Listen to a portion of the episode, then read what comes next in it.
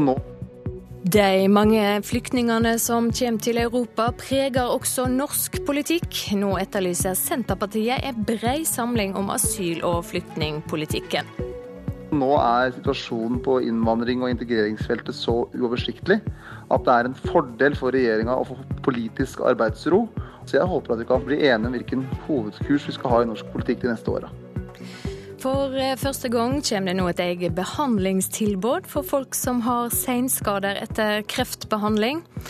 Og det er stor forskjell på inntektene til teater, museum og orkester her i landet. Nå etterlyser Ib Thomsen i Frp klare inntjeningskrav fra staten. I studio her i Nyhetsmorgen i dag, Silje Sande. Senterpartileder Trygve Slagsvold Vedum mener altså at det trengs et bredt politisk forlik i asyl- og flyktningpolitikken. Han mener situasjonen nå er så dramatisk at alle partier på Stortinget må hjelpe regjeringa med å håndtere situasjonen. Det er det beste i norsk politikk, når vi klarer på tvers av skillelinjer å finne sammen. Eh, det har vi klart i pensjonsforlik, vi har klart i klimaforlik, barnehageforlik og mange andre krevende spørsmål. Og nå er situasjonen på innvandring- og integreringsfeltet så uoversiktlig at det er en fordel for regjeringa å få politisk arbeidsro og et bredest mulig politisk forlik i Stortinget. Så jeg håper at vi kan få alle partier med på et forlik der vi blir enige om hvilken eh, hovedkurs vi skal ha i norsk politikk de neste åra. Vedum mener det er på tide at de andre partiene innrømmer at regjeringa står i en svært utfordrende situasjon. I denne saken her så mener jeg at alle partier må ha et ønske om å hjelpe den til enhver tid sittende regjering. Nå er det Høyre og Frp som har det ansvaret. Det er veldig krevende. Nå er det Høyre og Frp som har ansvaret. Om to år kan det være Senterpartiet som sitter med noe av ansvaret i regjering. Og Senterpartilederen er enig med Frp-leder Siv Jensen i at det nå er behov for å begrense hvor mange som kommer hit til landet. Det som er, eh, det vi har sett før, er at det er mange som nå kommer som ikke har eh, behov for beskyttelse. Og Da er det viktig at det færrest mulig av de kommer. At det er de som faktisk har behov for beskyttelse, som kommer. Så har vi tidligere brukt eh, midlertidig opphold virkemiddel. At man sier at jo, det skal være midlertidig opphold for, noen, fordi at man ser at situasjonen er så prekær nå.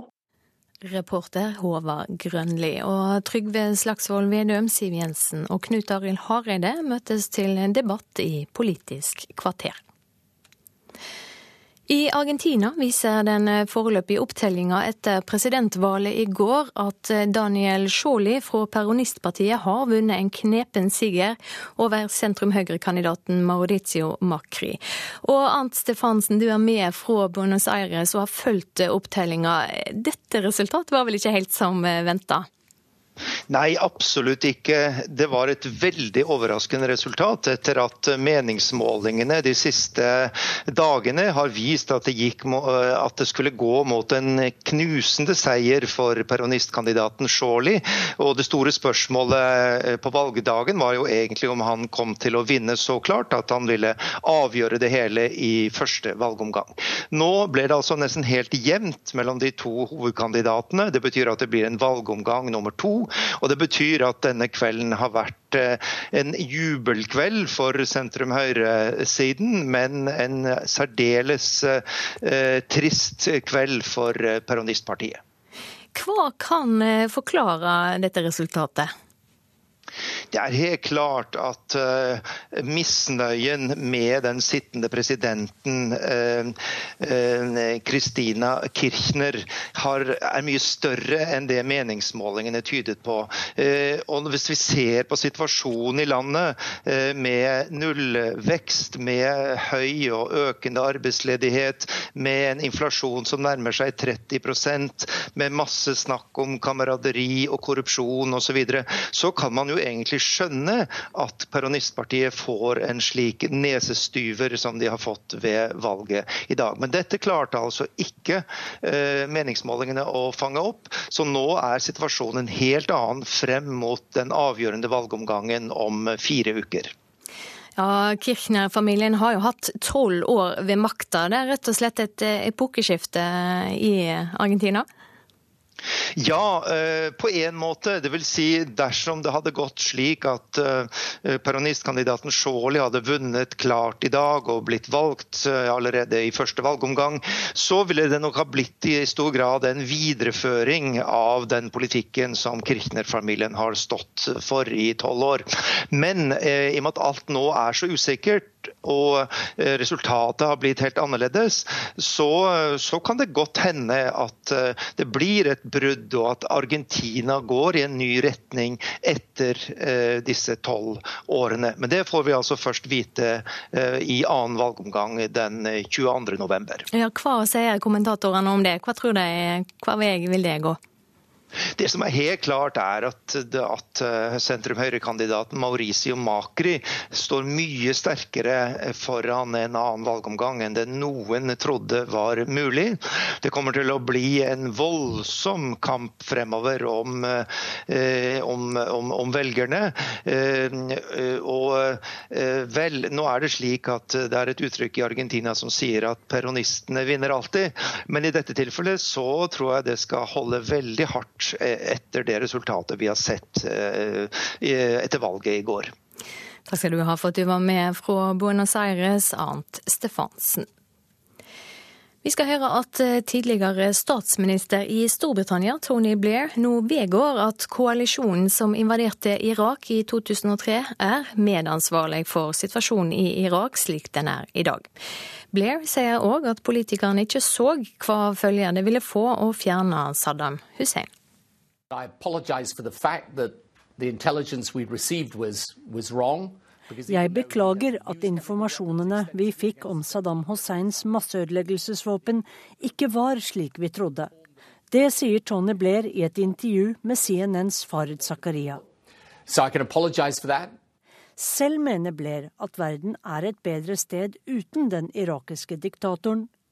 Men Storbritannias tidligere statsminister tar selvkritikk for at de som sto bak den USA-ledede koalisjonen som rullet inn i Irak i 2003, ikke forutså hva konsekvensene ville bli ved å fjerne Saddam Hussein. I can also apologize, by the way, mistakes in planning and certainly our mistake in, in, in our understanding of what would happen once you removed the regime. Etter at flere vestlige land har hatt styrker stående i Irak i flere år, har kaos og vold langs sekteriske linjer preget landet, og ikke fredelig demokrati, slik president George W. Bush og tidligere statsminister Tony Blair håpet. Så åpnet invasjonen og regimeendringen og all volden veien for IS, som nå kontrollerer store deler av Irak og Syria. You can't say that those of us who removed Saddam in 2003 bear no responsibility for the situation in 2015. Vi som invaderte Irak i 2003, har noe av ansvaret for dagens situasjon. Men også den arabiske våren bidro til IS sin vekst, og dessuten vokste IS seg sterkt først i Syria og deretter i Irak, sier Blair til CNN. Han har ikke noe svar på hva som er riktig intervention and putting down troops in Iraq. We've tried intervention without putting in troops in Libya. And we've tried no intervention at all but demanding regime change in Syria. I Irak invaderte vi, i Libya bombet vi uten å invadere, mens i Syria unnlot vi lenge å gjøre noe, sier han. Hvorfor kommer Tony Blair med innrømmelser nå? Muligens fordi en britisk kommisjon gransker konsekvensen av Irak-krigen i 2003. Det sa utenriksmedarbeider Sissel Wold. Vi skal ta en kikk på dagens aviser. Flere hundre asylbarn trenger en fosterheim, skriver Aftenposten. Det er skrikende trong for at flere melder seg. Hittil i år har bare 23 barn fått en fosterfamilie i Norge. Vi må trekke noen grenser, sier Erna Solberg om ytringene som kommer i samband med flyktningkrisa. Statsministeren sier til Dagbladet at hun frykter tendensen til hatske ytringer, og at Norge skal oppleve en situasjon som i Sverige. Taliban kontrollerer i dag store deler av Faryab i Afghanistan. Provinsen Norge tok på seg å bygge opp igjen i 2005, det skriver Klassekampen. Regjeringshæren de norske styrkene skulle bygge opp, klarer ikke å forsvare området. Vanlige biler vil falle kraftig i pris, tror daglig leder ved Agder Bilsenter Tobias Tangen. Han sier til Dagens Næringsliv at norske dieselbilkjøpere må bu seg på et stort verditap når de ladbare hybridbilene inntar veiene for fullt. VG forteller hvor du får mest hus for pengene. Avisa har sjekka boligprisene utenfor Oslo, Bergen, Stavanger, Trondheim, Tromsø og Kristiansand. Utenfor byene er prisen en brøkdel, og avisa har møtt en familie som har bytta ut bylivet med lykke på landet. Biskopene i Den norske kyrkja møttes denne veka for å meisle ut ei framtid der flest mulig kan leve med homoliturgi, skriver Dagen. Oppdraget deres er å holde kyrkja samla. Dette er virkelig en skandale, det sier Bård Vegar Solhjell om det norske forsvaret sitt sal av militærmateriell. Både marinefartøy, beltevogner, lastebiler og jagerfly er solgt til utenlandske kjøpere. Solhjell sier til Dagsavisen at Stortingets kontrollhøring om saka kanskje blir den viktigste høringa denne perioden. Forbrukerrådet vil gi kundene full oversikt over prisene på dagligvarer. En professor Bergens Tidende har snakka med, tror ikke den nye dagligvareportalen kommer til å virke etter planen. Han mener kundene blir taperne.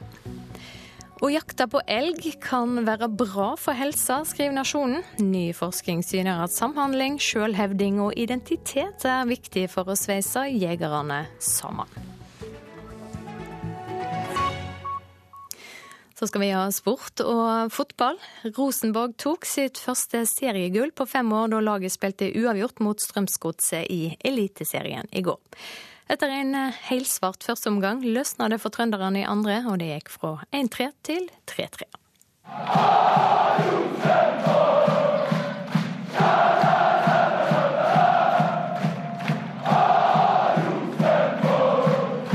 Nei, Det er selvfølgelig utrolig godt. Det er deilig å skåre to mål. og jeg synes eh, først og fremst også det var veldig godt å komme tilbake til Marienlyst. Jeg hadde to fantastisk fine år og har fått eh, hilsa på mange kjente både i og, og rundt laget her. Så en veldig fin kveld.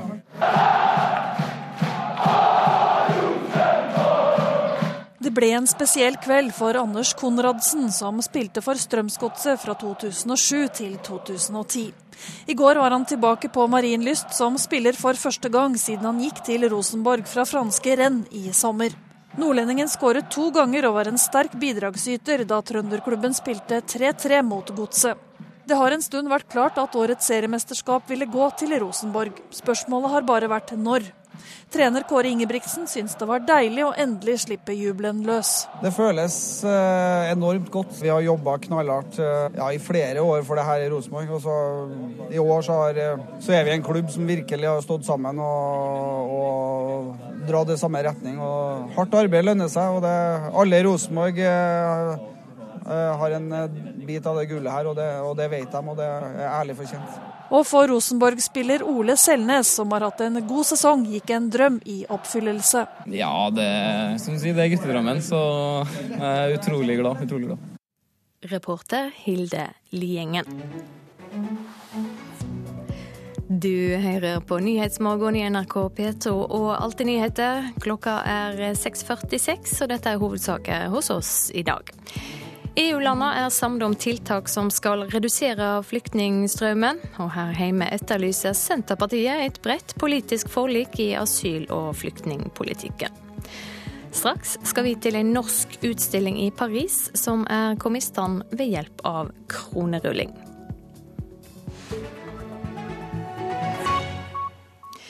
Først skal vi høre at 62 eh, mennesker ble evakuerte etter en brann i en leger i Kværnerbyen øst i Oslo i natt. Ingen ble skadd i brannen, som ble varsla like over klokka to. Tre husvær i femte etasje er totalskadde, opplyser politiet. De kan ikke si noe om brannårsaker. St. Olavs hospital oppretter som det første sykehuset i landet et tilbud med behandling til pasienter som har fått seinskader etter kreftbehandling. Behovet er alt stort og kommer bare til å bli større, sier kreftleger. Pga. Uh, hard strålebehandling uh, den første gangen jeg hadde kreft, så eh, viser seg da i ettertid at, at jeg har fått anginaplager. Det vil da si at den strålebehandlinga gjør at årene blir kjett, og at blodet ikke strømmer til hjertet. Det vil da si i, i verste fall da, som kunne ha forårsaka hjerteinfarkt, bl.a. Knut Ivar Aalberg fra Steinkjer ble rammet av kreft for første gang i 1993. Etter flere tøffe behandlinger er han kreftfri, men 48-åringen sliter med seinskader, og han er ikke alene. I Norge i dag så lever det mer enn 200 000 mennesker som har blitt friske, altså som er uten tegn til kreftsykdom mer enn fem år etter at de fikk kreftbehandlinga si. Det sier noe om størrelsesforholdet. Det er på langt nær alle disse som har eller vil få bivirkninger på lang sikt av behandlinga si, men det er en betydelig andel mennesker som har risiko for å utvikle sånne bivirkninger, eller allerede har utvikla sånne bivirkninger. Det sier klinikksjef Jo Åsmund Lund ved kreftklinikken ved St. Olavs hospital. Og dette er på et vis en tikkende bombe, fordi det er altså et økende antall mennesker som eh, står i fare for å få økende problemer, og helsevesenet er absolutt ikke forberedt på å håndtere de. Pasienter som bor i Midt-Norge skal nå få bedre oppfølging. I disse dager starter nemlig St. Olavs hospital et tilbud til personer med senskader etter kreftbehandling. Tanken er at fastlegene henviser pasienter til det nye senteret, der de blir utreda og sendt videre til spesialist. Det gjelder fremfor alt symptomer fra hjertet eller fra luftveiene. De kan ha lammelser eller kraftsvikt i en arm eller en eh, fot. Det er flere typer senskader etter kreftbehandling, forteller kreftlege Heidi Knobel. De kan ha kroniske sterke smerter, og ikke minst det også at de har gjennomgått omfattende behandling, for det er også de som har størst risiko for å utvikle senskade på sikt. Senteret er det første tilbudet for behandling av seneffekter etter kreftbehandling, som er organisert som et ordinært helsetjenestetilbud innenfor sykehusvesenet. Lund mener tilbudet kommer for å bli i Midt-Norge, og håper hele landet snart får det samme. Jeg syns at uh, politikerne må komme på banen og uh, bevilge midler til å starte slike enheter i alle helseregioner, akkurat slik som det er starta f.eks. diagnosesentra eller prostatakreftsentre i alle helseregioner.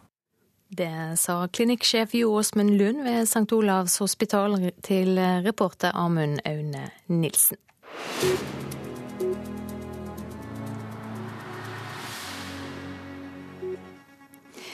Det er store skilnader på hvor mye penger teater, museum og orkester tjener sjøl.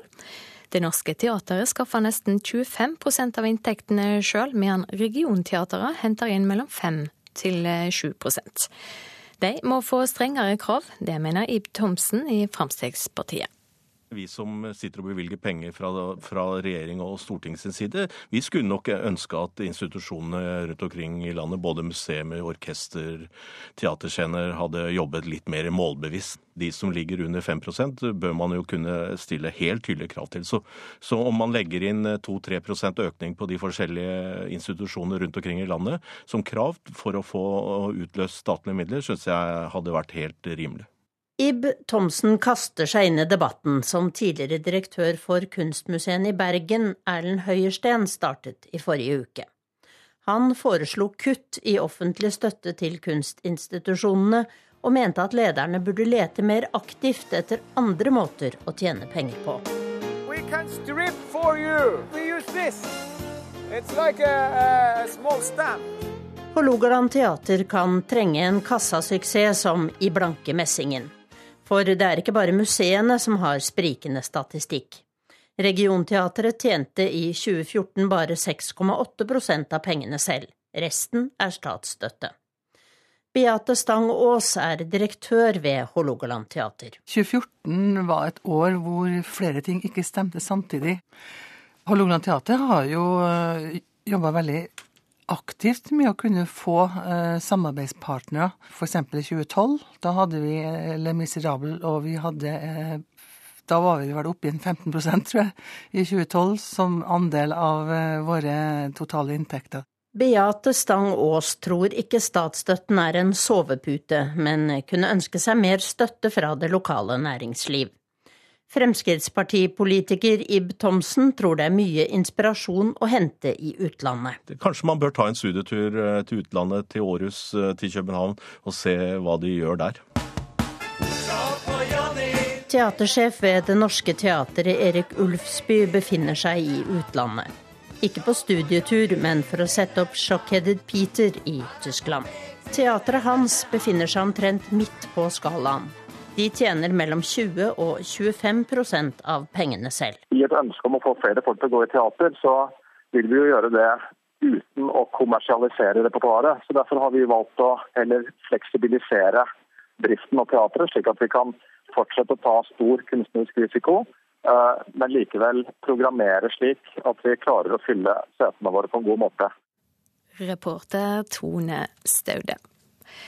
Kunstneren Pia Myhrvold har gått med ideen til sitt siste prosjekt i mange år, men hun har mangla penger til å gjennomføre det. Crowdfunding, eller folkefinansiering ved hjelp av internett, ble løsninga, og i helga presenterte hun de siste skulpturene sine i Paris. Crowdfunding er jo et uh, verktøy og det er akkurat eh, blitt disponibelt i Norge, så jeg tenkte at det var en måte å, å prøve det på. Man eh, begynner med å presentere det prosjektet man vil ha finansiert. Og i mitt tilfelle så laget jeg en video og forklarte om hvordan jeg tenker Once vil se ut. My name is Pia Myhrvold. I'm a multimedia artist. En idé presenteres på nettet i et forsøk på å få vanlige folk til å åpne lommeboka. Smarte skulpturer kaller Pia Myhrvold sine siste verk. De er utstyrt med hver sin programvare. De har krevd mange teknikere i arbeid, og ville aldri blitt realisert uten pengestøtten på nettet. Ja, Det er veldig dyrt, og det er ikke kommersielt på den måten. Det er veldig høy risiko her, og det er ikke sikkert at uh, at det er eh, noe jeg kommer til å selge. Myhrvold brukte nettstedet Kickstarter, der flere millioner mennesker er registrert. De er gründere, filmprodusenter, musikere. Og dem som gir, får ikke aksjer i prosjektet, men ofte en belønning. Der må man på en måte bruke fantasien sin til å finne på ting. det kan være alt mulig. Det kan være et kyss på kinnet eller altså. Men i mitt tilfelle så hadde jeg laget eh, små håndtegninger i løpet av kort tid fikk hun over 50 støttespillere og nok penger. Flere av giverne var til stede i Paris i helgen da skulpturene ble presentert. I'm doing it all the time uh, for many type of things, from art to uh, you know uh, digital devices or, or books or that kind of thing. Philip Honigman gir ofte støtte gjennom crowdfunding. Yeah, well, for the artist, it's about uh, receiving the funds in order to be able to create, but it's also about establishing Uh, uh, a direct link with det er også en måte å få kontakt med nye kunder. Uh, De kan få direkte kontakt med hverandre på en ny måte, sier han.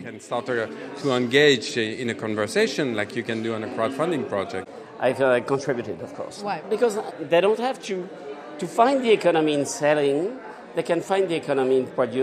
Crowdfunding gjør det mulig å få finansene på plass uten å selge kunsten. Folk ønsker å hjelpe dem til å kunne gjennomføre prosjektet, sier Maris Benayon. Myhrvold utelukker ikke at hun vil forsøke crowdfunding igjen neste gang. Det å teste ut kickstarter var på en måte nytt for meg. Og det fungerte, men det var mye arbeid likevel. Reporter her, det var Åse-Marit Befring. Vi skal ha et eh, værvarsel som gjelder fram til midnatt. Fjellet i Sør-Norge sørvestlig bris, liten kuling utsatte steder. Litt snø og sludd, etter hvert nedbør som regn under 900 meter. Mest nedbør i vestlige områder. Østlandet og Telemark sørvestlig bris, på kysten periodevis frisk bris. Spredt regn første del av dagen, vesentlig vest for Oslofjorden og Mjøsa. Ellers skyer eller delvis skyer, stort sett opphold. Agder sørvestlig bris, på kysten periodevis frisk bris. I kveld sørlig skyer eller delvis skyer. Litt regn av og til, vesentlig i vestlige områder. Rogaland sørlig frisk bris på kysten, liten kuling nord for Obrestad. Skyer, litt regn av og til, snø over ca. 1000 meter. I kveld sørøstlig frisk bris og lettere vær. Hordaland sørlig liten kuling på kysten. Skyet, litt regn, snø over ca. 1000 meter. I kveld sørøstlig frisk bris, lettere vær. Sogn og Fjordane sørvestlig stiv kuling på kysten og i fjellet, sterk kuling ved Stad. Regn, snø over ca. 1000 meter, i kveld minkende vind og lettere vær. Møre og Romsdal øker til sørvestlig stiv kuling på kysten og i fjellet, periodevis sterk kuling i sør. Regn, snø over ca. 1000 meter, i kveld lettere vær. Trøndelag sørøstlig liten kuling utsatte steder. I formiddag sørvestlig stiv kuling på kysten. Regn, snø over ca. 1000 meter. I kveld nordøstlig liten kuling på kysten i nord, ellers sørvestlig. Regnbyger i nord, snøbyger over 400-600 meter. Helgeland og Saltfjellet og Vesterålen. Vestlig liten kuling, minkende til skiftende bris, først i sør. Fra utpå ettermiddagen nordlig liten kuling. Regnbyger over 200-500 meter blir det snøbyger. Troms får vestlig liten kuling, periodevis stiv kuling. Regn- og sluddbyger, fra i ettermiddag snøbyger i låglandet. Finnmark vestlig liten kuling, periodevis stiv kuling. På vidda frisk bris. Regnbyger fra utpå dagen sludd- og snøbyger. Få byger på vidda og i øst. Nordensjøland på Spitsbergen, der blir det nordlig frisk bris, utsatte steder og enkelte snøbyger. Så skal vi ha temperaturlista. De var målt klokka fire. Svalbard lufthavn minus fire. Kirkenes null. Vardø, der har vi ikke fått inn tall. Alta 3, Tromsø-Langnes 4, Bodø 6, Brønnøysund 4, Trondheim-Værnes 3, Molde 5, Bergen-Flesland og Stavanger 9, Kristiansand-Kjevik 4, Gardermoen 2, Lillehammer 1, Røros minus 2 og Oslo-Blindern hadde pluss 6 grader.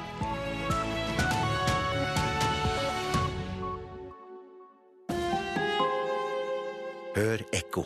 20 000 norske menn har opplevd voldtekt. Samtidig er oppfatningen om at menn ikke kan voldtas, høyst levende blant oss. Og mange voldtektsofre opplever at de ikke blir tatt på alvor, verken hos politi eller andre som er satt til å hjelpe. Så hvordan kan vi da få flere menn til å søke hjelp?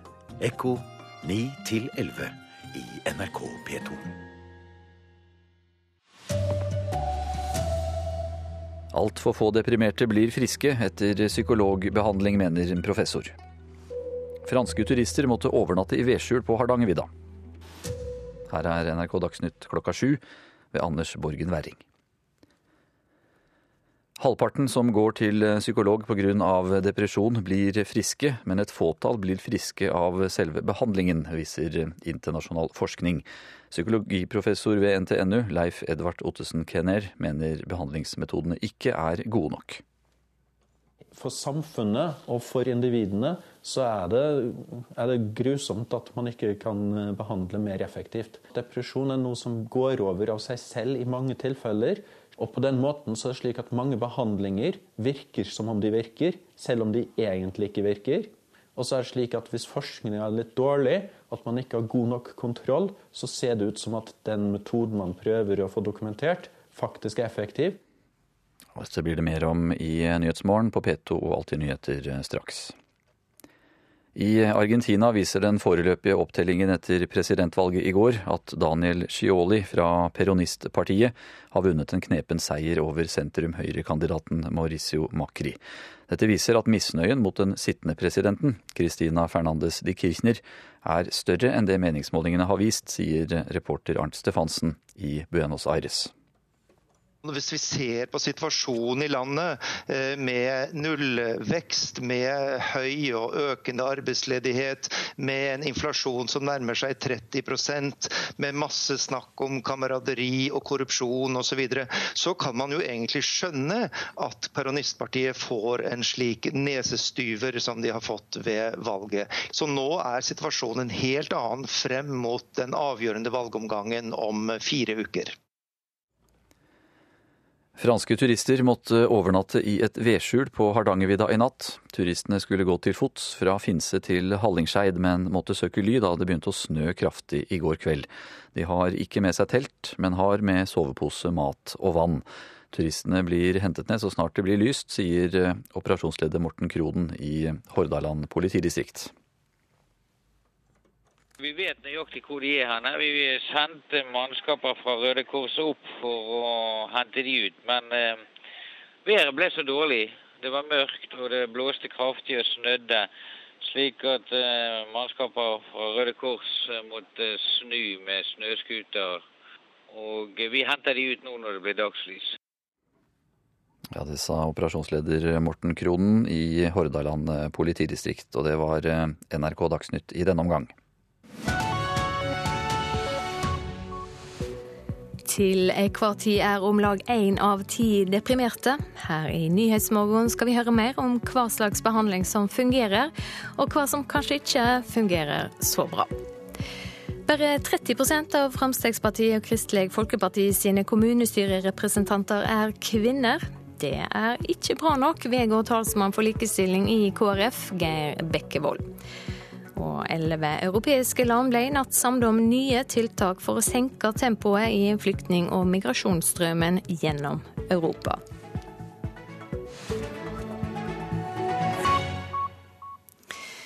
Bare én av sju deprimerte blir friske pga.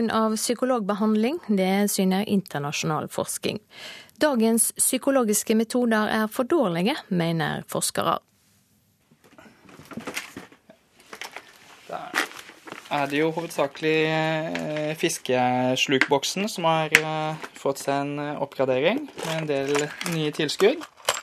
Mats Håkonsen har brukt fiskestanga mer enn normalt det siste året. Han har vært gradert sykemeldt og i behandling mot angst og depresjon. Det er snart ett år siden han gikk til legen fordi han var sliten og trist. Si, det var nesten litt sånn flaut, fordi jeg følte at uh, jeg har jo ikke noe grunn til å bli deprimert. på en måte. Jeg er en frisk ung mann og har hatt en uh, fantastisk uh, oppvekst og et fantastisk liv så langt, egentlig. så det føles litt teit, rett og slett, at jeg skulle bli deprimert. Jeg kunne ikke skjønne det. Til enhver tid er om lag én av ti deprimert, ifølge Folkehelseinstituttet. Og psykoterapi er blant de vanligste behandlingsformene. Ifølge en undersøkelse publisert i anerkjente Journal of Effective Disorders blir 62% frisk etter denne type behandling. Men kun én av sju blir frisk pga. selve behandlinga. Depresjon er noe som går over av seg selv i mange tilfeller. Sier psykologiprofessor Leif Edvard Ottesen Kenner. På den måten så er det slik at mange behandlinger virker som om de virker, selv om de egentlig ikke virker. For samfunnet og for individene så er det, er det, grusomt at man ikke kan eh, behandle mer effektivt. Kenner er en av forskerne som mener behandlingsmetodene i dag ikke er gode nok. Det virker, men det virker ikke godt nok. Bør vi gjøre noe med det? Ja, absolutt. Vi bør forske mer. Jeg tror ikke det at det er metodene det skorter på. Psykologforeningas Andreas Høstmælingen mener heller mange deprimerte får feil type behandling når de går til psykolog. Eh, psykoterapi, uansett hvilken metode det er, dreier seg jo i bunn og grunn om å gi folk verktøy for å endre seg. Endre måten de tenker på, endre hvordan de regulerer følelser, endre måten de oppfører seg på. Det er veldig mange grunner til at det ikke alltid fungerer. Eh, men når man får det til, så har man fått, eh, fått forutsetninger for varig endring som faktisk er eh, bra. Snella, snella for seg her, vet du. Aha. Så fester man på den her. Det er siste uka Mats har mulighet til å dra på fisketur på en arbeidsdag. Fra 1.11 er han tilbake i full jobb som fysioterapeut. Han er frisk, og han er sikker på årsaken. Jeg kjenner nå at det var et, helt klart et vendepunkt i, i livet mitt den, den, dagen jeg tok kontakt med først av fastlege og, og satte i gang et tiltak for å få en bedre hverdag, rett og slett. Det er med psykiske lidelser, lidelser som det er med fysiske lidelser. Av og til så eh, får man dem, og man trenger hjelp. Reporter Marit Gjelland. Med fra studio i Trondheim, landsleder i Mental Helse Norge, Dagfinn Bjørgen. Hva tenker du når du hører om disse forskningsresultatene? Eh, nå har jeg sett de forskningsresultatene selv, og vil nå egentlig si det at de viser noen gode tall eh, her. Eh, og så er det jo slik at man har mye god behandling, og det er faktisk viktig å selvfølgelig utvikle metoder og forebyggingsmetoder også, men det er mye som faktisk virker. Ja, hva forteller dine medlemmer? Opplever de at behandlinga de får mot depresjon fungerer? Ja, særdeles mange opplever at eh, det fungerer. Samtidig så er det også mange som går lenge i behandling eh, og eh, ikke får tilbud om behandlingsmetoder, ikke informeres om behandlingsmetoder som kan virke. Og på den måten så er det mange som går for lenge i behandlingsapparatet uten å få tilbud om den behandlinga som de kanskje sjøl også opplever er, blir riktig for seg. Hvor viktig er det at de får informasjon? Det er veldig viktig at de får informasjon, og at man også underveis i en behandling diskuterer hva som kan være eh, virksomt, eh, og hva en tror sjøl. Det som også forskninga viser, er at en av de viktigste virkningsfaktorene i behandling er relasjonen til behandler, og ikke metoden. Og norsk helsevesen må nok i større grad også se på hvordan man kan bedre gi tilbud om å skifte behandler, finne ut hvem er det som passer sammen.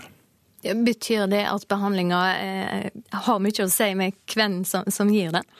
Ja, faktisk er det det. Eh, og tilliten mellom pasient og, eh, og, behandler er vesentlig for at du skal kunne klare å få en rask tilfriskning. Vi hørte her at depresjon som oftest går over av seg sjøl. Er det da vits i å oppsøke hjelp? Det å si at en depresjon går over av seg sjøl, eh, er jo eh, en kjensgjerning at det gjør. Men eh, det blir jo et for lettvint utsagn å, å, si det på denne måten. fordi at underveis i en depresjon så er det jo en del som faktisk er til fare for seg sjøl. Det går utover familie, det går utover jobb. Og det er faktisk viktig at man kjappest mulig kommer i gang med en livsendring eller en, en type psykisk endring på hvordan man tenker om seg sjøl, som innslaget påpekte. Og eh, her eh, mener jeg at eh, det er faktisk viktig at folk oppsøker behandling. Hva mener du må gjøres for at flere skal få riktig behandling? Det er faktisk at både primærleger og helseforetak blir tydelige på hva kan man gi, og at man faktisk får tilgang på den behandlinga som man da opplever kan være det som er riktig for meg. Det blir etterlyst mer forskning, er du sammen i det? Ja, jeg er jo savner det at eh, det fortsatt selvfølgelig er behov for forskning. For det er jo en del som ikke får resultat av behandling. Eh, og da er det jo viktig å finne ut hva er det som eh, man kan gjøre annerledes for å nå de som faktisk ikke får den resultatet man ønsker. Takk skal du ha for at du var med, landsleder i Mental Helse Norge, Dagfinn Bjørgen.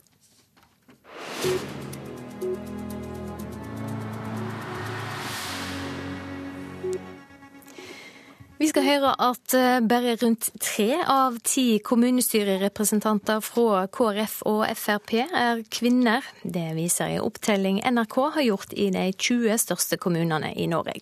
SV, Rødt og Miljøpartiet De Grønne har på sin side rundt halvparten kvinner blant sine representanter. Talsmann for likestilling i KrF, Geir Jørgen Bekkevold, er eh, ikke helt eh, nøyd. Nei, dette er ikke tall som jeg er fornøyd med. Og her ser vi jo at vi er nødt til å fortsette å jobbe knallhardt i partiet. Nesten 1000 representanter ble i september valgt inn i kommunestyrene i de 20 største byene i landet målt etter folketall. Knapt 42% av dem er kvinner, og det er betydelige forskjeller partiene imellom. Kristelig Folkeparti har med sine 34,5% blant de laveste kvinneandelene hos de største partiene. Det er viktig i nominasjonsprosesser at man løfter fram kvinner og setter enda flere kvinner på toppen av lista. Og dette er et kontinuerlig arbeid som vi bare må fortsette med, for jeg er ikke fornøyd med de tallene.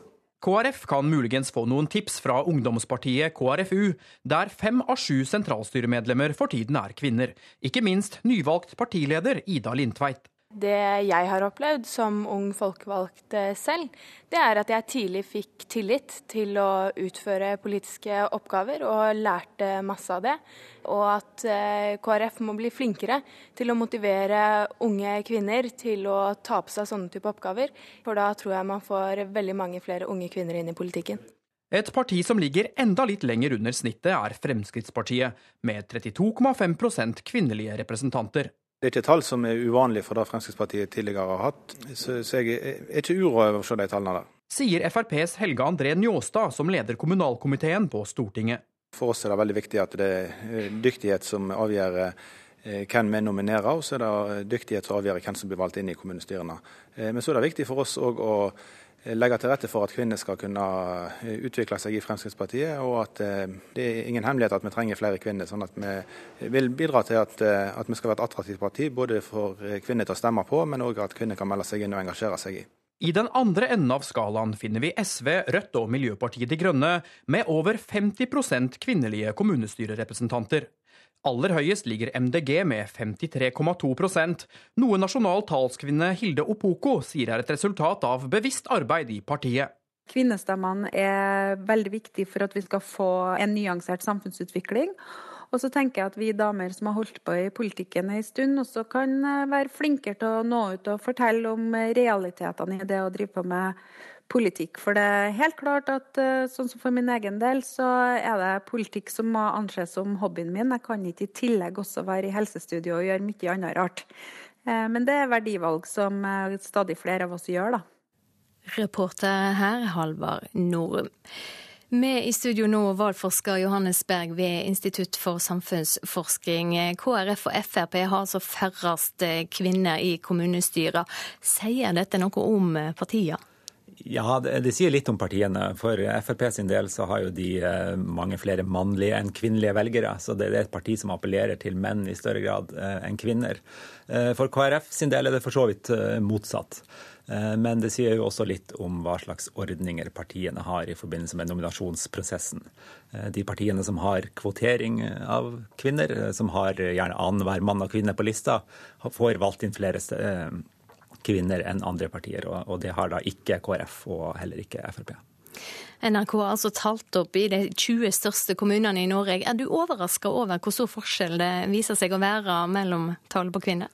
Nei, ikke så veldig. Altså, vi har sett den samme typen forskjeller tidligere. Så det er store forskjeller mellom partiene eh, i Norge. Og det er også en veldig sakte utvikling når det gjelder representasjon av, av kvinner. Vi ser jo her at at det er et stykke igjen til vi når 50% kvinner i norske kommunestyrer. Og den utviklingen går veldig sakte fra valg til valg.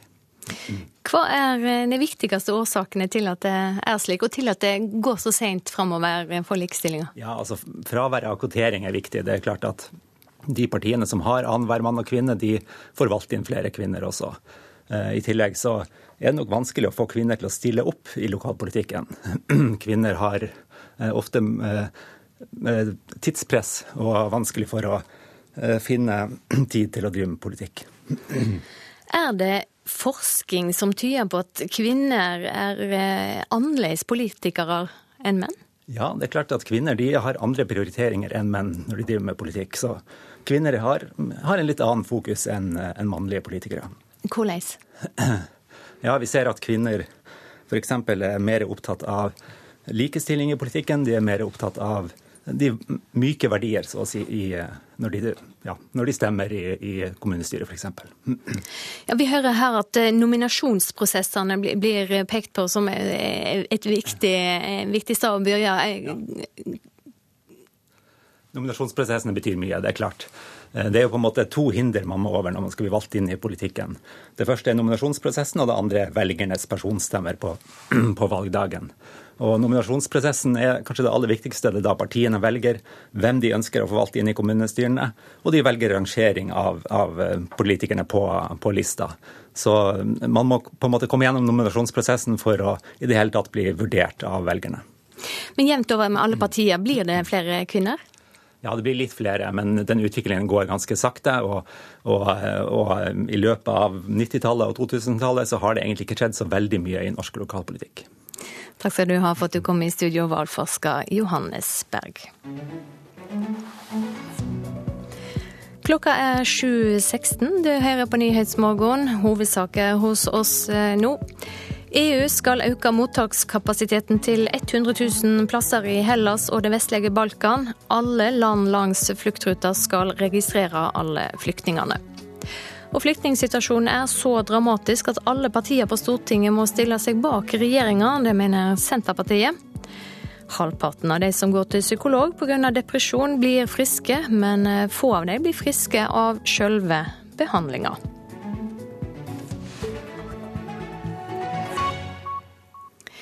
Nå skal vi til eh, Polen. Etter åtte år i opposisjon er det EU- og innvandringsskeptiske partiet Lov og rettferd igjen klare for regjeringskontorene i Polen.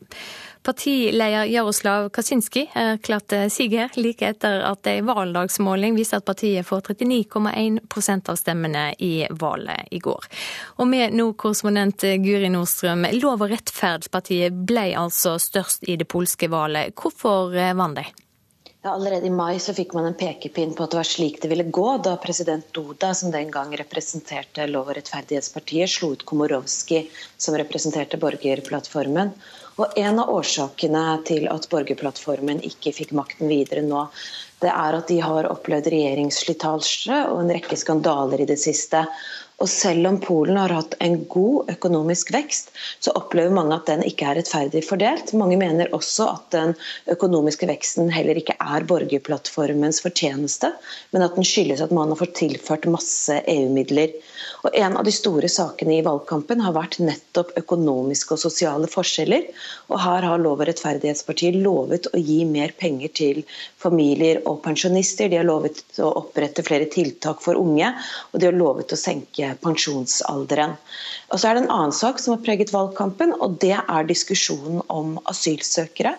Her har mange polakker reagert på at den forrige regjeringen har sagt at de vil ta imot 7000 asylsøkere som en del av EUs asylplan. Og også Lov- og rettferdighetspartiet har reagert kraftig på dette.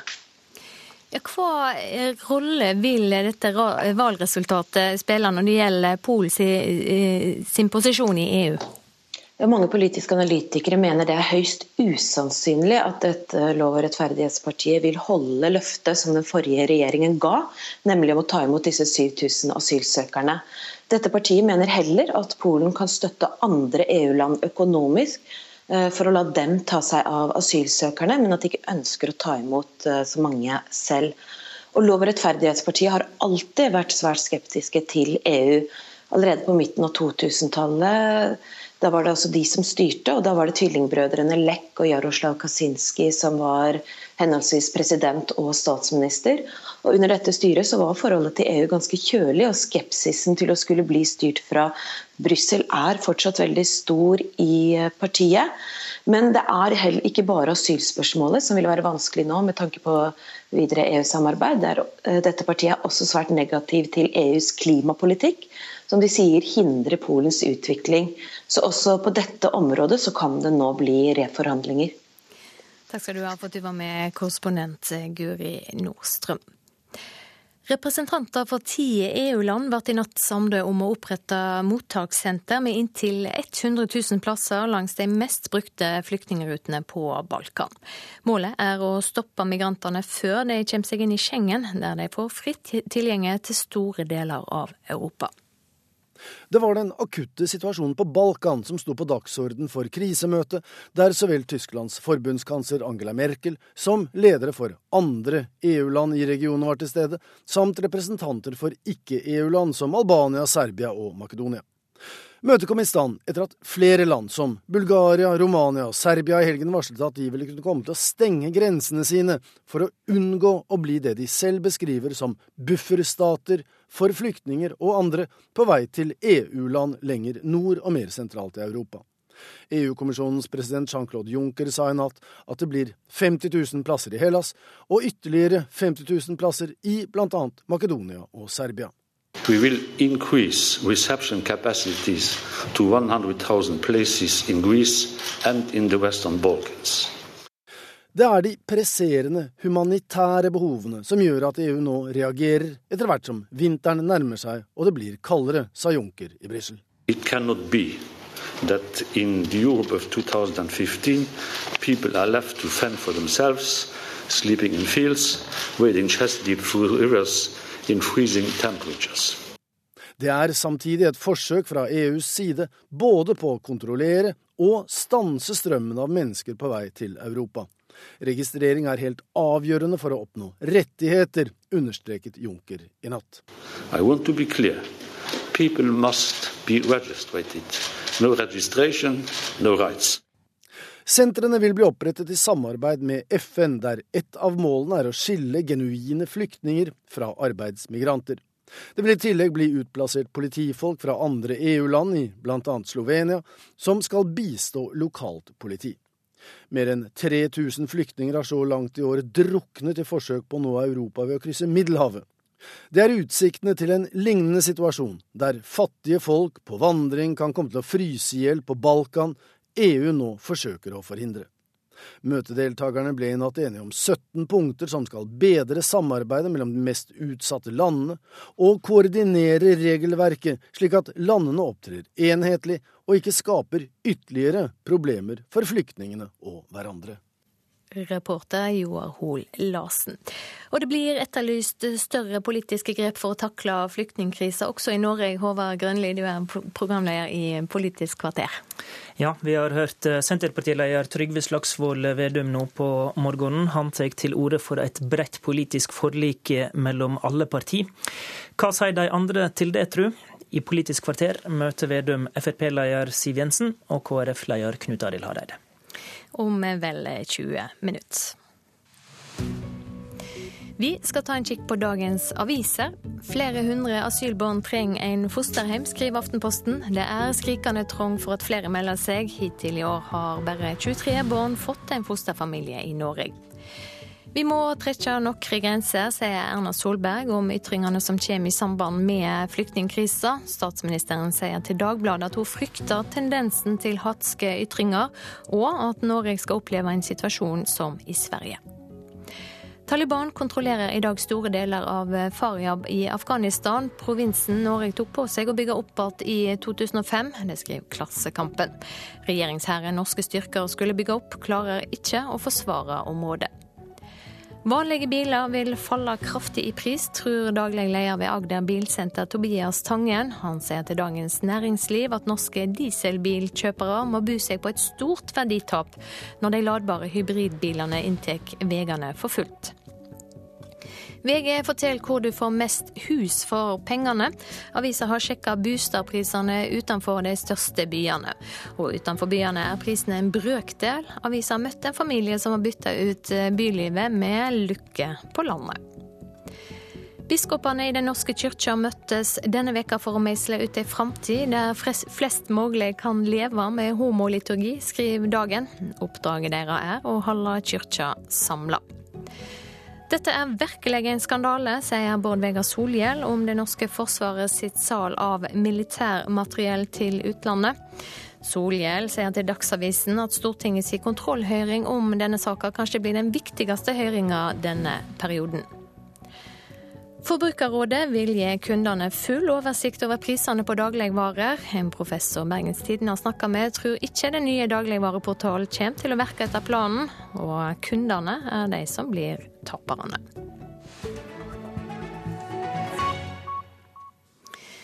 Skal fremdeles handle om flyktninger. Vi skal til Tynset, som tar imot flere flyktninger enn de blir bedt om og flere av flyktningene der kommer seg i jobb og tar utdanning.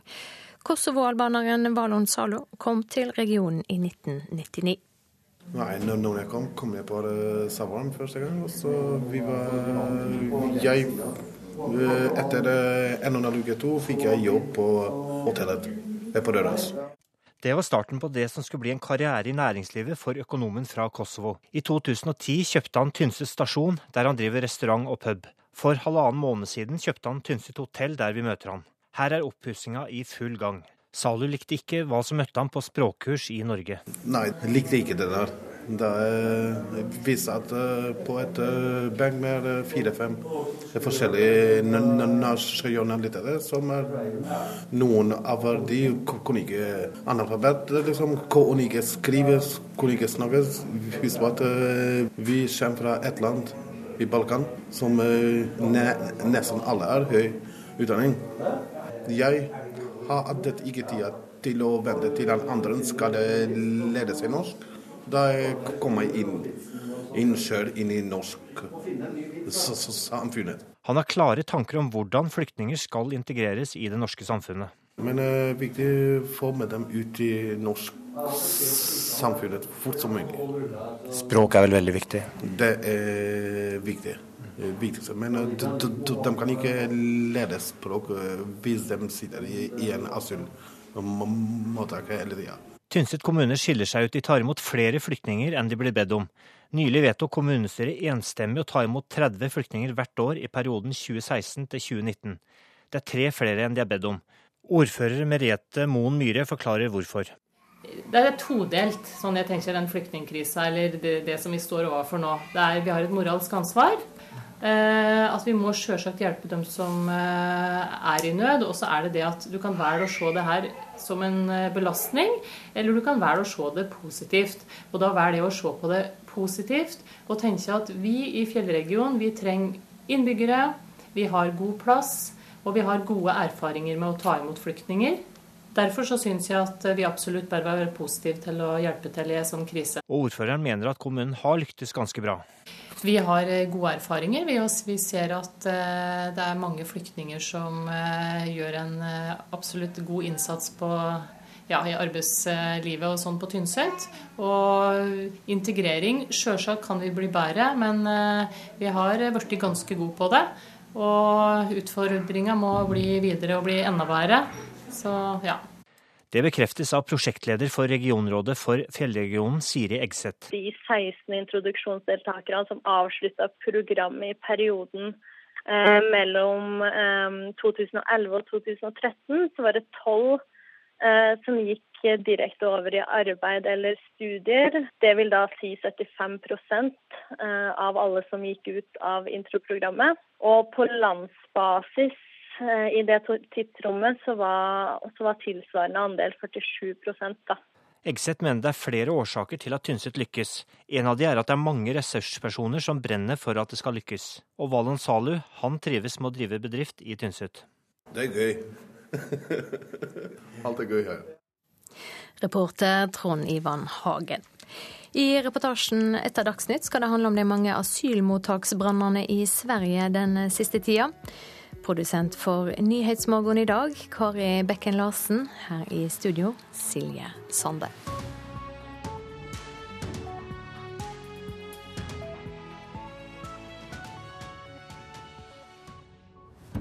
Han skapte Frøken Smilla og fikk fem millioner lesere.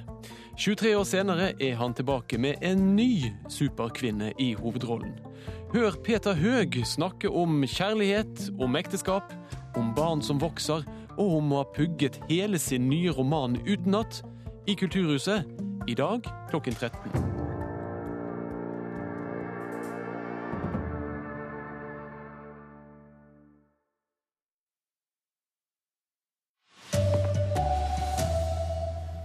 Bare én av sju som er deprimert, blir frisk av psykologbehandling. Senterpartiet støtter Frp i at flyktningstrømmen til Norge må begrenses. Avtalen mellom Northug og Skiforbundet kan føre til bråk i langrennsleiren. Her er NRK Dagsnytt ved Anders Borgen Werring. Klokka er 7.30. Halvparten som går til psykolog pga. depresjon blir friske, men et fåtall blir friske av selve behandlingen. Det viser internasjonal forskning. Dagens psykologiske metoder er for dårlige, mener forskere. Er det jo hovedsakelig eh, fiskeslukboksen som har eh, fått seg en eh, oppgradering med en del nye tilskudd. Mats Håkonsen har brukt fiskestanga mer enn normalt det siste året.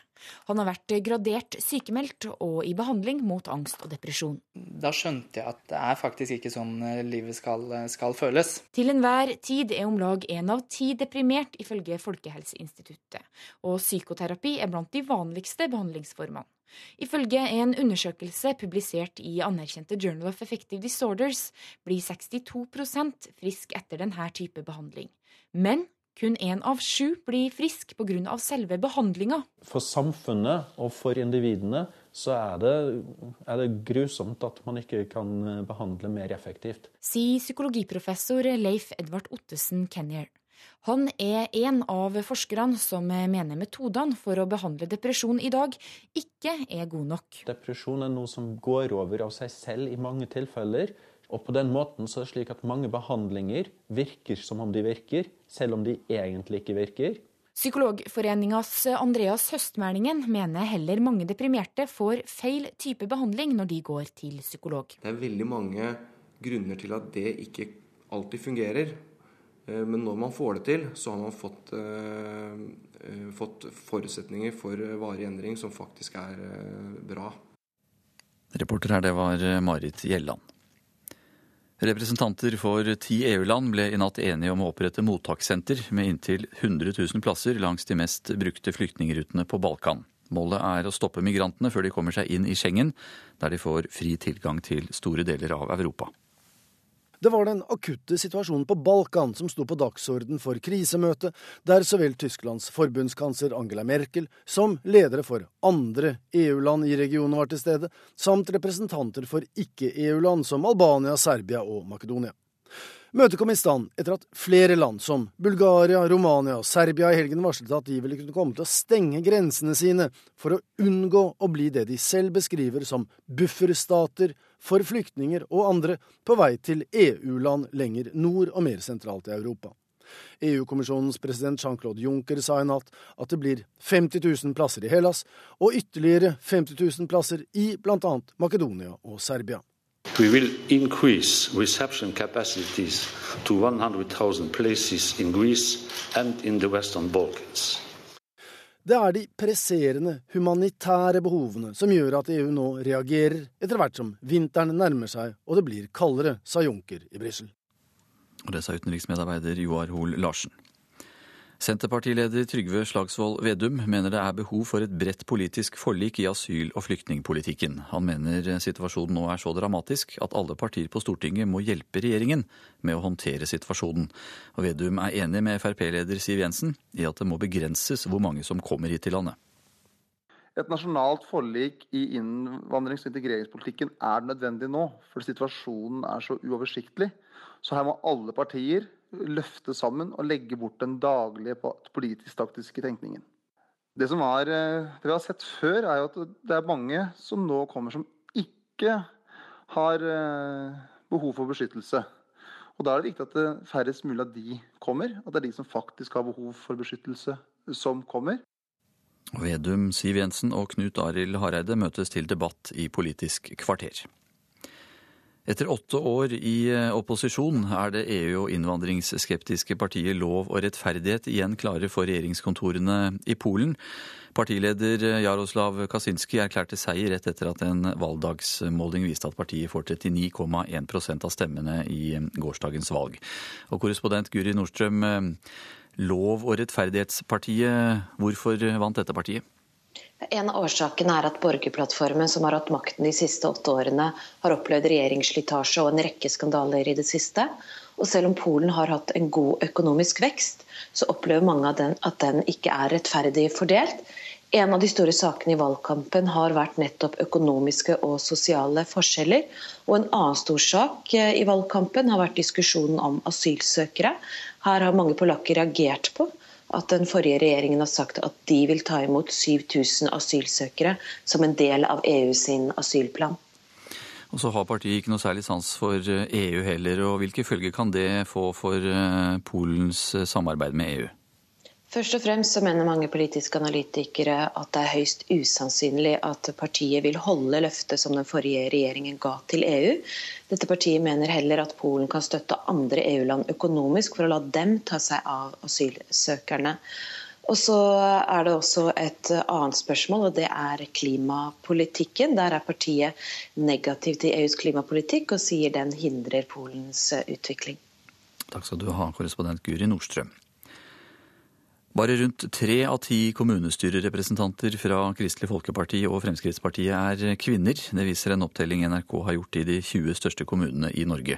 Leder av kommunalkomiteen på Stortinget, Helge André Njåstad fra Frp, er ikke bekymret. Det er jo først og fremst velgerne som bestemmer hvordan eh, kommunestyrene blir sammensatt. så Da må jo alle partiene akseptere det som velgerne setter sammen. Det er ikke tall som er uvanlige for det Fremskrittspartiet tidligere har hatt. Så jeg er ikke uroa over å se de tallene der.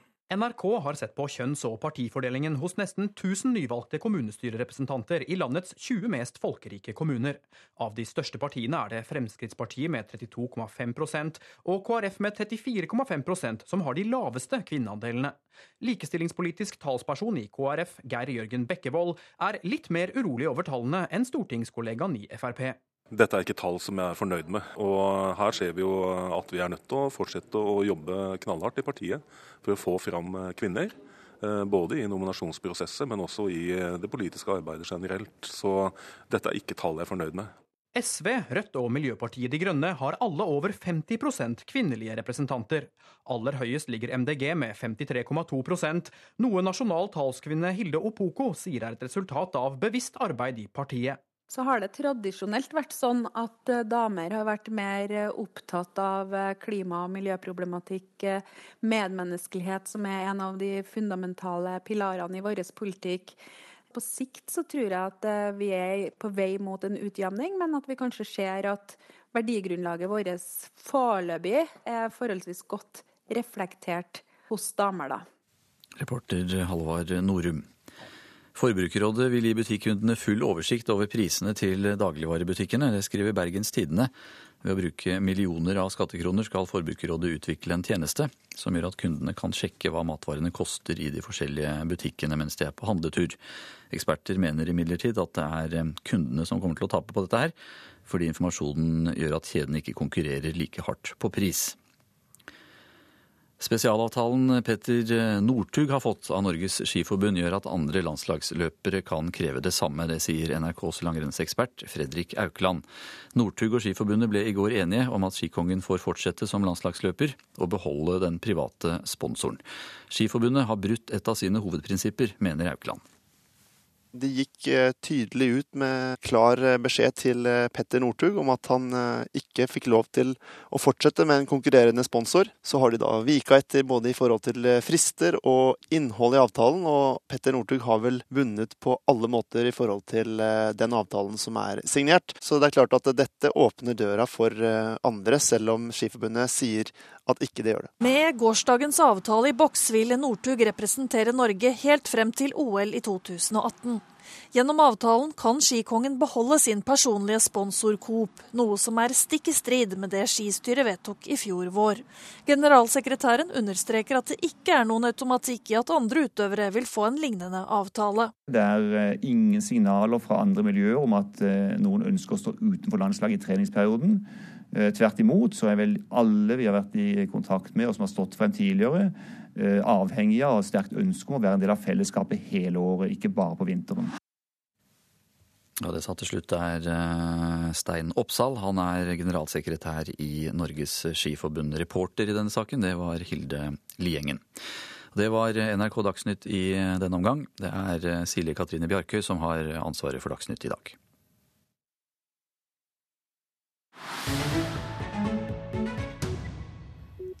Fem ulike asylmottak i Sverige har vært utsatt for brann de siste to ukene.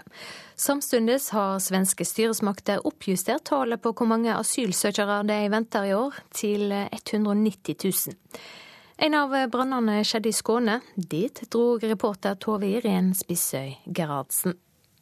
Alle møbler var på plass, sengene var beddede og eh, maten var innhandlet. Så det stod eh, eh, appelsiner og bananer. Alt var klart. 15 senger sto oppredd, møblene var på plass, og maten var handla. Så skjedde det. Ligger det faktisk noe fra brannen? Det, det har brunnet litt under til. Afghanske flyktninger i alderen 15 til 18 år skulle flytte inn dagen etter. Men de nye brakkene ble dynka med bensin og tent på. Modulene blir redda, men er skadde og må vøles. I en container ligger politiet sin røde og gule avsperringsteip og brente fjøler. Men det som er tragisk, er alle brannene. Det er klart det er ufattbart. Man fatter ikke. Brann på asylsenteret i Arløv var én av fem bare de to siste ukene. Samtidig oppjusterte Migrasjonsverket prognosene for asylsøkere til Sverige til 140 000-190 000 i år. Men bak tallene gjemmer det seg skjebner, som Eva på to år og Ralid på fire år. De sitter på en annen benk med livet sitt i to blå Ikea-bager. De er fra Syria og har reist i 15 dager med mora Hanna, som sitter med en seks måneder gammel baby på armen. Mannen er og snakker med Migrasjonsverket innan de tar bussen til Oslo, der de har slektninger. Det kommer mer og mer nå siste halvtime. Men brannene tar altså svenskene sterk avstand fra. En av dem er Margareta. Man blir forbanna. Man gjør ikke så. Man skal hjelpe. Jeg syns absolutt det er feil. Politiet har skjerpa kontrollen av asylsentra og vurderer å holde det hemmelig hvor de nye skal ligge. Det synes Nina og Jessica er trist. Men det är hemskt de kommer, man får tycka vad man vill om invandrarpolitiken men det är fruktansvärt att de utsätts för detta och blir bemötta på detta sättet. Eh, jag tycker det är helt oacceptabelt men det förvånar mig inte med den extrema totalinvandringspolitiken som eh, Sveriges regjering, da sjuklövern, har ført senaste tiden. Men Peder er ikke overraska. Han syner til det han kaller regjeringa sin ekstreminnvandringspolitikk. Han er medlem av det høyrepopulistiske partiet Sverigedemokraterna, som er nest størst i Arlöv. Selve innvandringsdebatten det er så tabubelagt. Man får ikke på noe sett være kritisk mot den, for det er man, enten er man fremmedfiendtlig, eller så er man rasist. Peder mener grensa er nådd i Sverige. Han er frustrert over at noen sosialbosteder går til flyktninger og ikke svensker. Men han er mest frustrert over at en i Sverige ikke ope kan diskutere problemer. Er det mulig å bare trykke litt inn? Jeg skal se. Lundgren syner oss et annet asylmottak for barn i en gammel sukkerfabrikk. Det er overfylt. De har to andre på gang. Kommunen har tatt imot 35 barn i år, men vet de vil bli bedt om å ta imot flere. Den nye prognosen er nemlig at 30 000-40 000 enslige asylbarn vil komme til Sverige i år, mot knappe 8000 i fjor. Pojkarna har ventet i tilfeldige boende. Lundgren sier det er svært vanskelig å finne bosteder. Derfor var brannen i Arløv ekstra uheldig. Nå venter kommunen og de 15 asylbarna på at brannskadene blir reparert, og de endelig kan flytte inn. EU skal øke mottakskapasiteten til 100 plasser i Hellas og det vestlige, vestlige Balkan. Alle land langs fluktruta skal registrere alle flyktninger. Det ble klart på et møte sent i går. Og de mange flyktningene som kommer til Europa preger også norsk politikk. Gjestene i Politisk kvarter skal straks diskutere ei brei politisk samling i asylpolitikken. Til enhver tid er om lag én av ti deprimerte, men bare én av sju som får psykologbehandling mot depresjon, blir friske pga. behandlinga. Det viser internasjonal forskning. Nå er det klart for eh, Politisk kvarter. Programleder der er Håvard Grønli.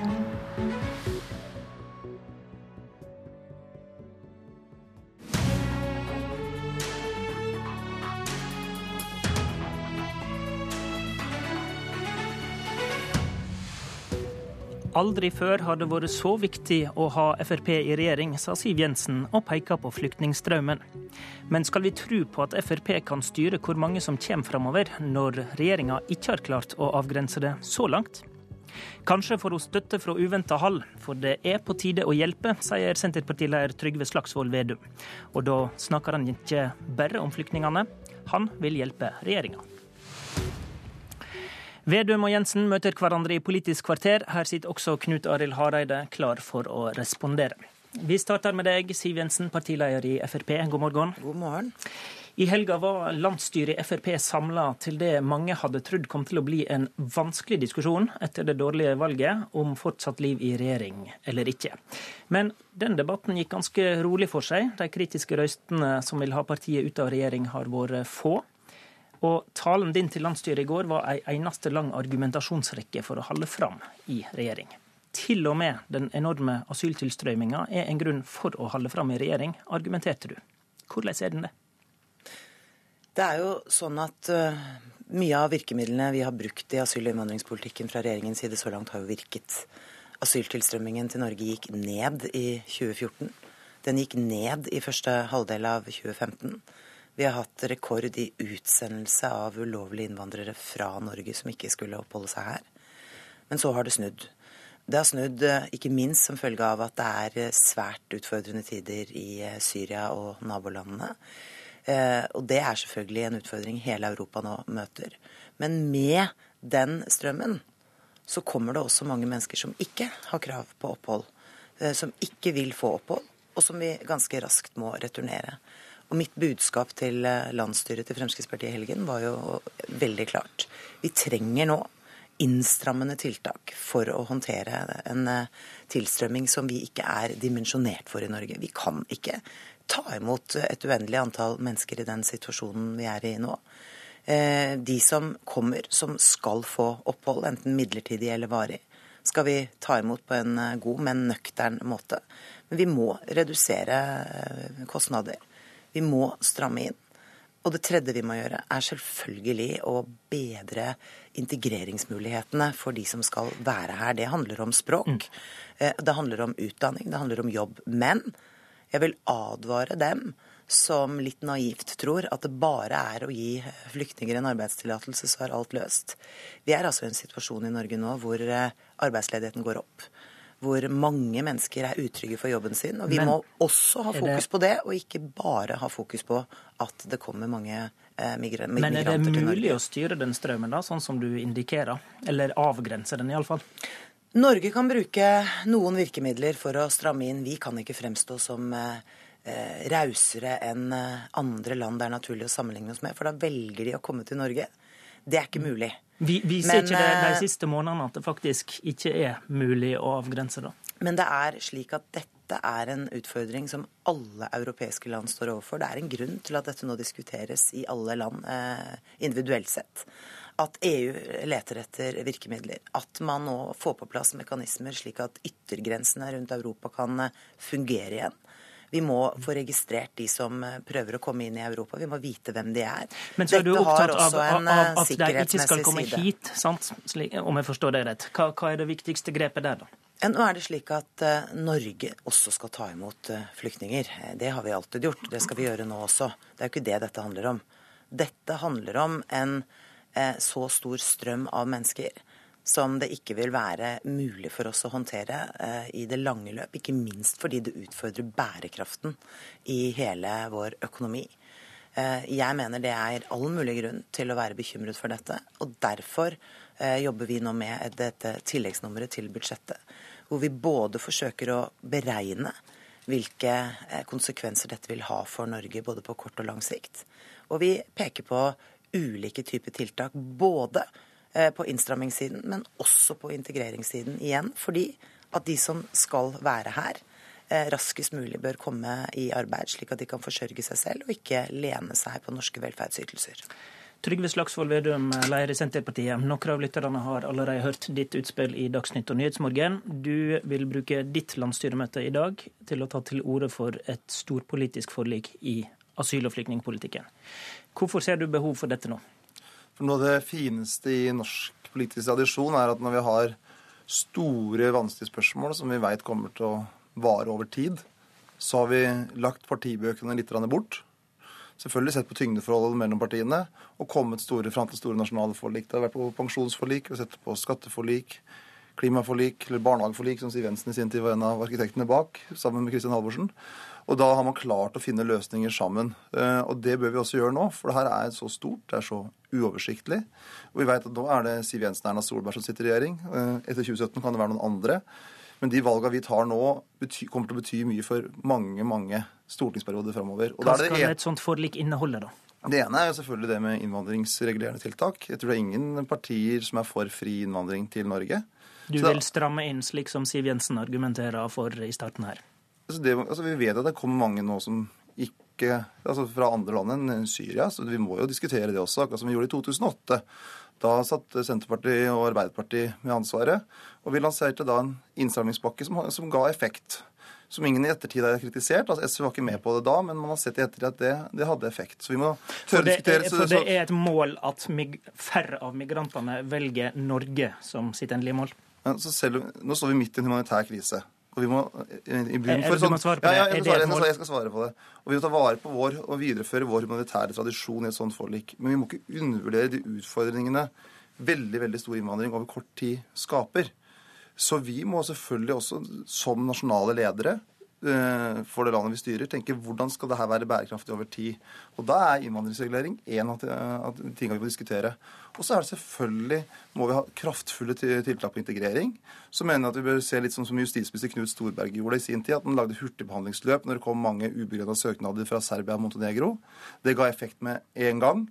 Og så må vi se på det her sammen. For alle skjønner jo, hvis vi legger bort det partitaktiske, at det er ikke lett å være i regjering nå. Og da må vi se hvordan kan vi i Stortinget sammen skape en mest mulig politisk arbeidsro for regjeringa mm. etter noen premisser, så at de får gjort den jobben som er veldig krevende. Jensen, hvordan hører du oppfordringa fra Vedum? Jeg er veldig glad for at eh, Vedum eh, er innstilt på å bidra til kloke løsninger i Stortinget denne høsten. Vi trenger det. Jeg er enig med han i at vi trenger innvandringsregulerende tiltak. Det er jo det jeg har snakket om nå hver eneste dag i en lang periode.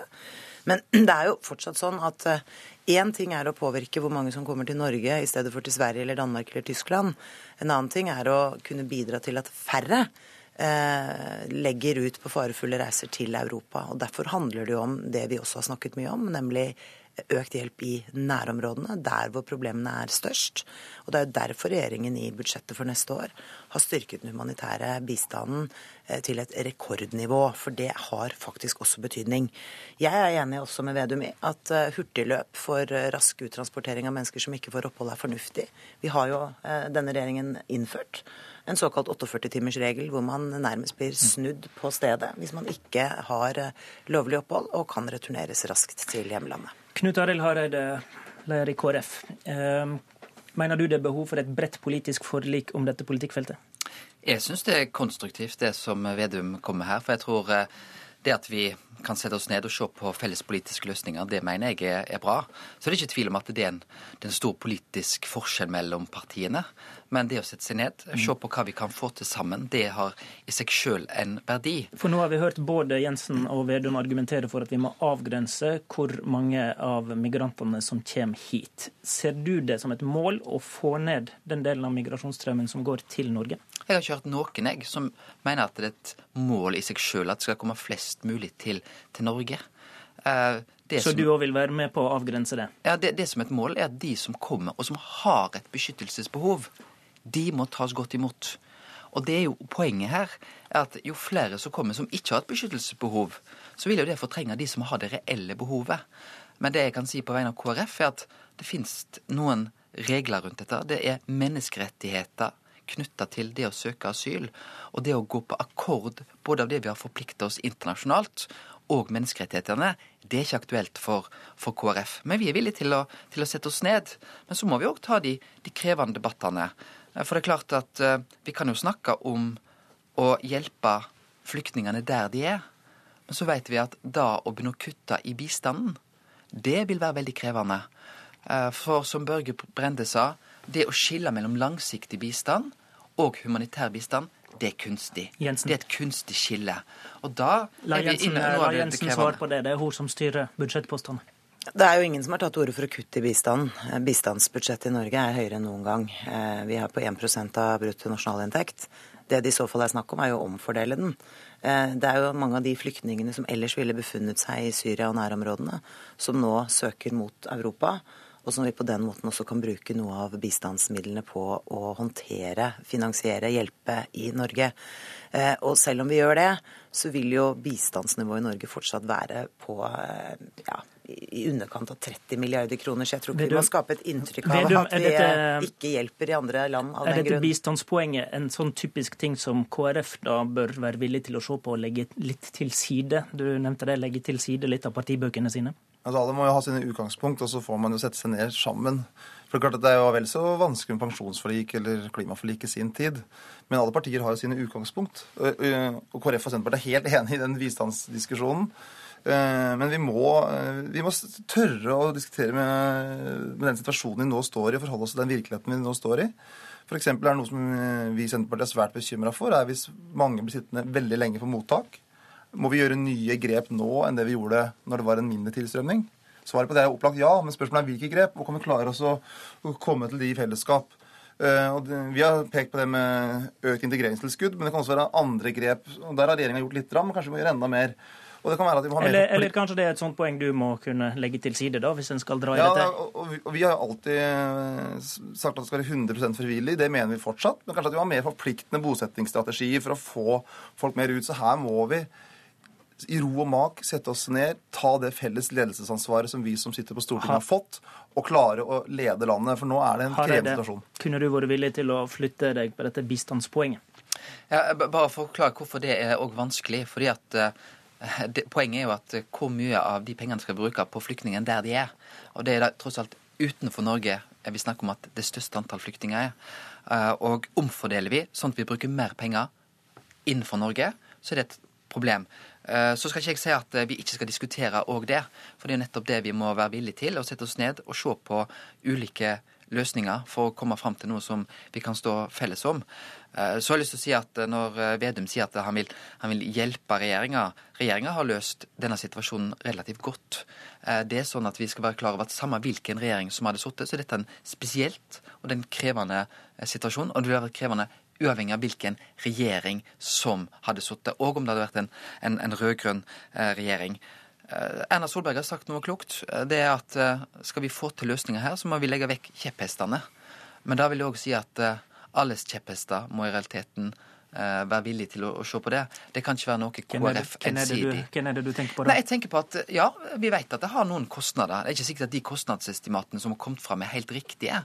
Men vi må kanskje være villige til å legge bort noen av de satsingene Kanskje skal vi vente med enkelte satsinger i budsjettet ett eller to år. Eh, kanskje kan vi være, være villige til å gjøre budsjettet mer miljøvennlig med gode miljøavgifter. Det kan være eksempel på hvordan vi kan dekke inn noen av de økte kostnadene vi får på kort sikt. Ja. Jeg er helt enig med Hareide i at det har vært like vanskelig å være en ren Senterparti-KrF-regjering uansett hvilken regjering man hadde hatt. Så det, det, er det som er poenget med å ta til orde for et nasjonalt forlik. At her er det, det, her er også, det er uavhengig av regjeringsfargen, egentlig. Vi har et felles ansvar, og det kommer til å vare lenger enn to-tre år. Så de, de, vedtakene vi gjør nå, kommer til å evalueres også om 10-15 år. Gjorde vi rett grep? Og da må vi prøve å gjøre dem sammen. Det er ingen tvil om at uh, den uh, tilstrømmingen av mennesker vi nå får til Norge, kommer til å koste mye penger. Jeg tror det skal være vanskelig å bestride de tallene som kommer. De er store. Dette kommer til å koste, ikke bare i år, men årene fremover. Da er målet å få de kostnadene ned.